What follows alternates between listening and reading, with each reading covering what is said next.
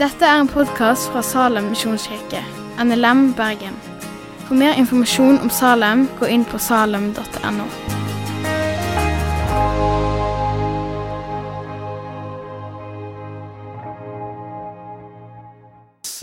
reagerer så kraftig på hos Jesus? Hva er det som provoserer de så emosjonelt sterkt at eh, de er villige til å ta livet av ham? Det er to grunner. Det første er nok det som for de er den offisielle grunnen. Og det er at de mener Jesus spotter Gud ved å kalle seg Guds sønn. Det er blasfemi, det er forkastelig, og derfor så legger de han for hat. Og Det er jo noe av det som stiger fram i dette kapittelet som vi har lest, at eh, Markus ønsker å få fram at Jesus er Messias. Han er den som profetene profeterte om skulle komme i Davids ett. Den andre grunnen som gjør at fariseerne og skriftlærere og de andre legger Jesus for hat, det er en grunn som de tilsynelatende sjøl ikke er klar over, men som Jesus avslører hos dem. Og det er deres falskhet og deres hykleri. De lever et dobbeltmoralsk liv. Og Jesus reagerer kraftig på at de prøver å framstå som åndelige og fromme, men bakenfor fasaden så er det død og fordervelse.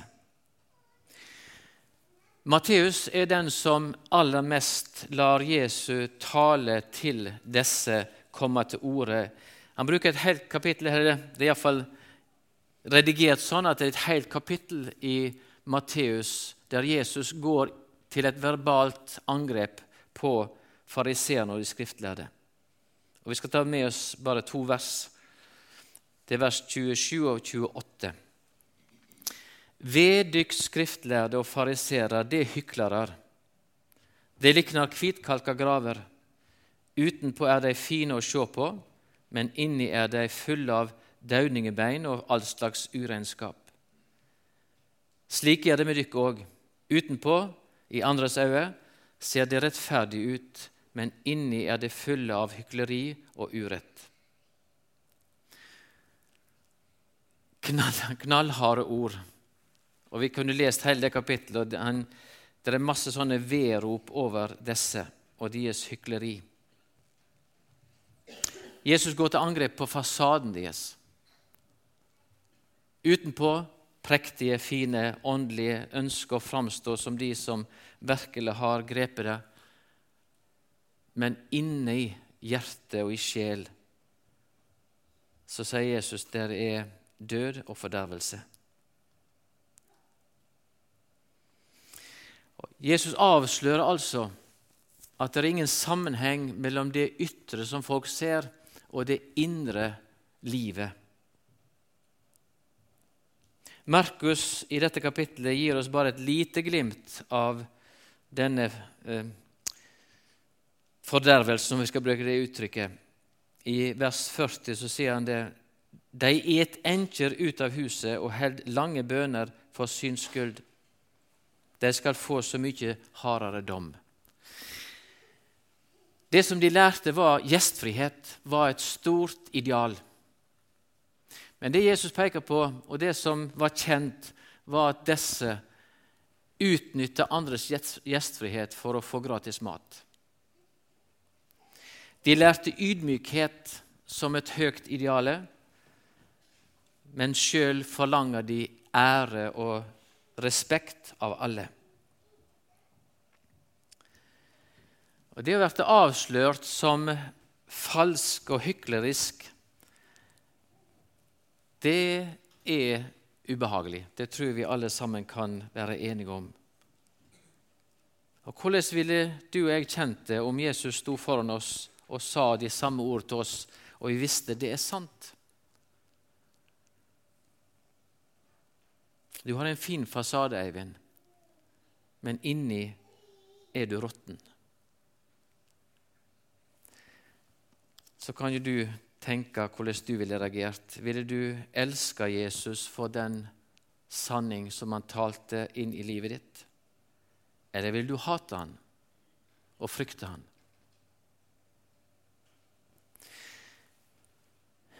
Det er slik med oss mennesker, og dette er det faktisk forska på, at det er noe vi frykter mer enn døden. Og det er å bli avslørt som hyklere. Det vi skjuler, det vi gjemmer, som ingen andre får innsyn i.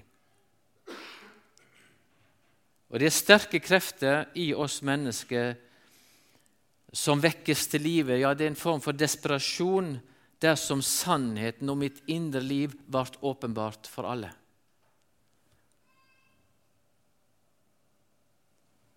Og Kanskje det er derfor vi frykter dommens dag, når alle mine tanker og ord og handlinger skal fram i ljoset. For det som er faktum, er at all urettferd, all synd, alt som er løgn og bedrag, det bærer med seg et inderlig ønske om at all avslørende sannhet må forbli taust eller avgå med døden. Skal vi si det en gang til? For oss mennesker så er det slik at all urettferdighet, all synd, alt som er løgn og bedrag, bærer med seg en sterk ønske om at avslørende sanning må, og mitt liv må forbli taus eller må avgå med døden. Og Det er dette som utspiller seg, og som Markus i kapittel 12 vitner om i vinbøndene og arvingen og de påfølgende eksempel på hvordan de ulike gruppene her på listig vis prøver å få Jesus til taushet, eller finne en grunn til å ta livet av ham, for han taler sanning inn i livet deres. Hver gang Gud sendte en profet til sitt folk for å kalle det til omvendelse, til oppgjør med synd, ugudelighet, avgudsdyrking, så blir de lagt for hat. De blir forfulgt. De blir tatt livet av. Det gamle testamentet er full av eksempel på dette. og Det er det Jesus sikter til også i lignelsen om denne Herren som planter en vingard og leier den ut, og disse som kommer for å hente inn avling. Og Nå står altså Jesus der, han som er veien, sanninga og livet. Han som er den rette eieren sin eneste sønn, og de tåler han ikke. De vil ta livet av han. De blir provosert, for de forstår at eh, det er de han, Jesus, snakker om. Og Derfor er utfordringen i Guds ord veldig sterk til oss som lever i dag. Og La oss lese fra 1. Johannes brev 1, og versene 5-10. 1. Johannes brev 1, 5-10. Dette er den budskapen vi har hørt av Han og forkynner for dykk. Gud er lys. I Han finnes det ikke mørker. Sier vi at vi har fellesskap med Han, men vandrer i mørket, da lyver vi og følger ikke sanninga. Men dersom vi vandrer i lyset, liksom Han er i lyset, da har vi fellesskap med hverandre, og blodet fra Jesus, Hans sønn, renser oss for all synd. Sier vi at vi ikke har synd, da dårer vi oss sjølve, og sanninga er ikke i oss. Men dersom vi sanner syndene våre, er Han trufast og rettferdig, så Han tilgir oss syndene og renser oss for all urettferd. Ser vi at vi ikke har synda, da gir vi Han til løgner, og Hans ord er ikke i oss. Og ifra kapittel 2.: Mine barn, dette skriver jeg til dere, så de ikke skal synde. Men om noen synder, har vi en talsmann hos Far. Det er Jesus Kristus den rettferdige, og han er i soning for syndene våre. Ja, ikke bare for våre, men for alle i hele verden. Jesus kom til jorda for å ta seg av ditt og mitt mørke. Og han tok et oppgjør med det gjennom sitt liv, sin død og sitt oppstandelse. Det var hele poenget med Jesus komme, var nettopp å stige inn i ditt og mitt mørke og si 'Jeg har ordna opp for deg'. Og Derfor så trenger ikke du og jeg som tror på Jesus, å frykte hans nærvær. Vi trenger ikke frykte for å bli avslørt, for han kommer ikke til å fordømme oss. Han sier, 'Min nåde er nok for deg'. Og Han kom for å frelse også fariseerne og de skriftlige og de andre partiene. Men de valgte han vekk. Så la oss òg stille hverandre dette spørsmålet i dag. Hva skjuler du bak din fasade? Tør vi oppriktig med et helt hjerte å be sammen med salmisten i Salme 139.: Ransak meg, Gud, og kjenn mitt hjerte. Prøv meg og kjenn mine tanker. Se om jeg, om jeg følger avguds veg og lei meg på den evige vegen.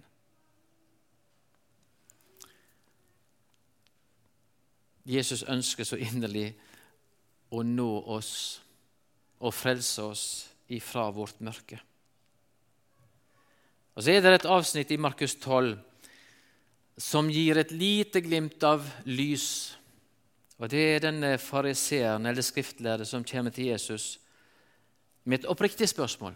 Ikke lenger for å lure han, ikke for å sette, prøve å lage ei felle for han, men for å spørre oppriktig hva hva for et bå er det første av alle? Og Jesus svarer, Hør, Israel, Herren vår Gud, Herren er én.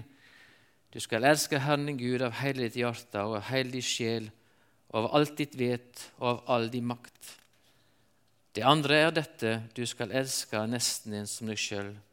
Noe større bå enn disse finnes ikke. Og Fariseeren, eller den skriftlærde, forstår at et sant gudsliv handler ikke om det ytre, men om hjerteforholdet. Og så vet vi innenfor lovens krav så kommer vi alle for kort til kort. Så vi må si Jesus, se i nåde til meg, arme, syndige menneske. Men samtidig er det nettopp der det nye livet vekkes og jeg kan løfte blikket og si, 'Jesus, takk for at du har ordna opp med mitt mørke.' Jeg kan med frimodighet få lov til å gå ut i hverdagen og vite at i deg så eier jeg det fullkomne. Jesus berømmer denne som kommer til ham og sier, 'Du er ikke langt borte fra Guds rike.' Du har sett noe.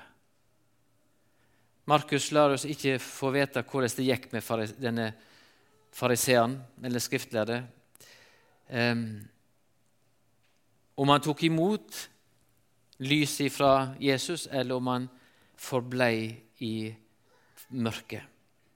Men kall og utfordringer står igjen til oss alle, og til alle tider. Lev i lyset. Og Jesus vil møte deg i ditt mørke med nåde og tilgivelse. Og med orda 'Heller ikke jeg fordømmer deg'. Gå bort og la ikke mørket igjen få makt over deg. Skal vi be. Herre Jesus, vi takker deg fordi du kom til jord med himmelens lys. Og så vet du mørket i oss frykter ditt lys.